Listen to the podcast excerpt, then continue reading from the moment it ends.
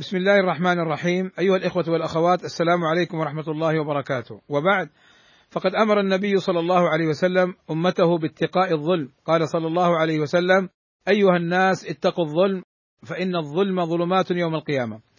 فقوله عليه الصلاة والسلام فإن الظلم ظلمات يوم القيامة أي أنه ظلمات على صاحبه لا يهتدي يوم القيامة سبيلا حين يسعى نور المؤمنين بين أيديهم وبأيمانهم. وقال الفضيل بئس الزاد إلى المعاد العدوان على العباد. وقال ابن الجوزي الظلم يشتمل على معصيتين. الأولى أخذ مال الغير بغير حق والأخرى مبارزة الرب بالمخالفة.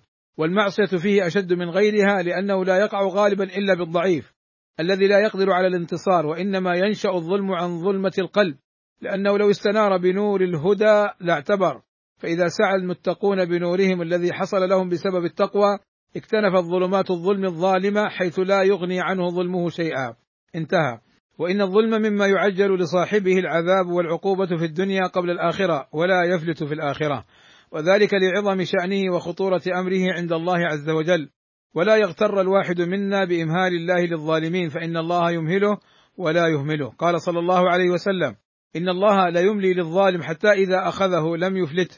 قال ثم قرأ وكذلك أخذ ربك إذا أخذ القرى وهي ظالمة. إن أخذه أليم شديد. والسلام عليكم ورحمة الله وبركاته.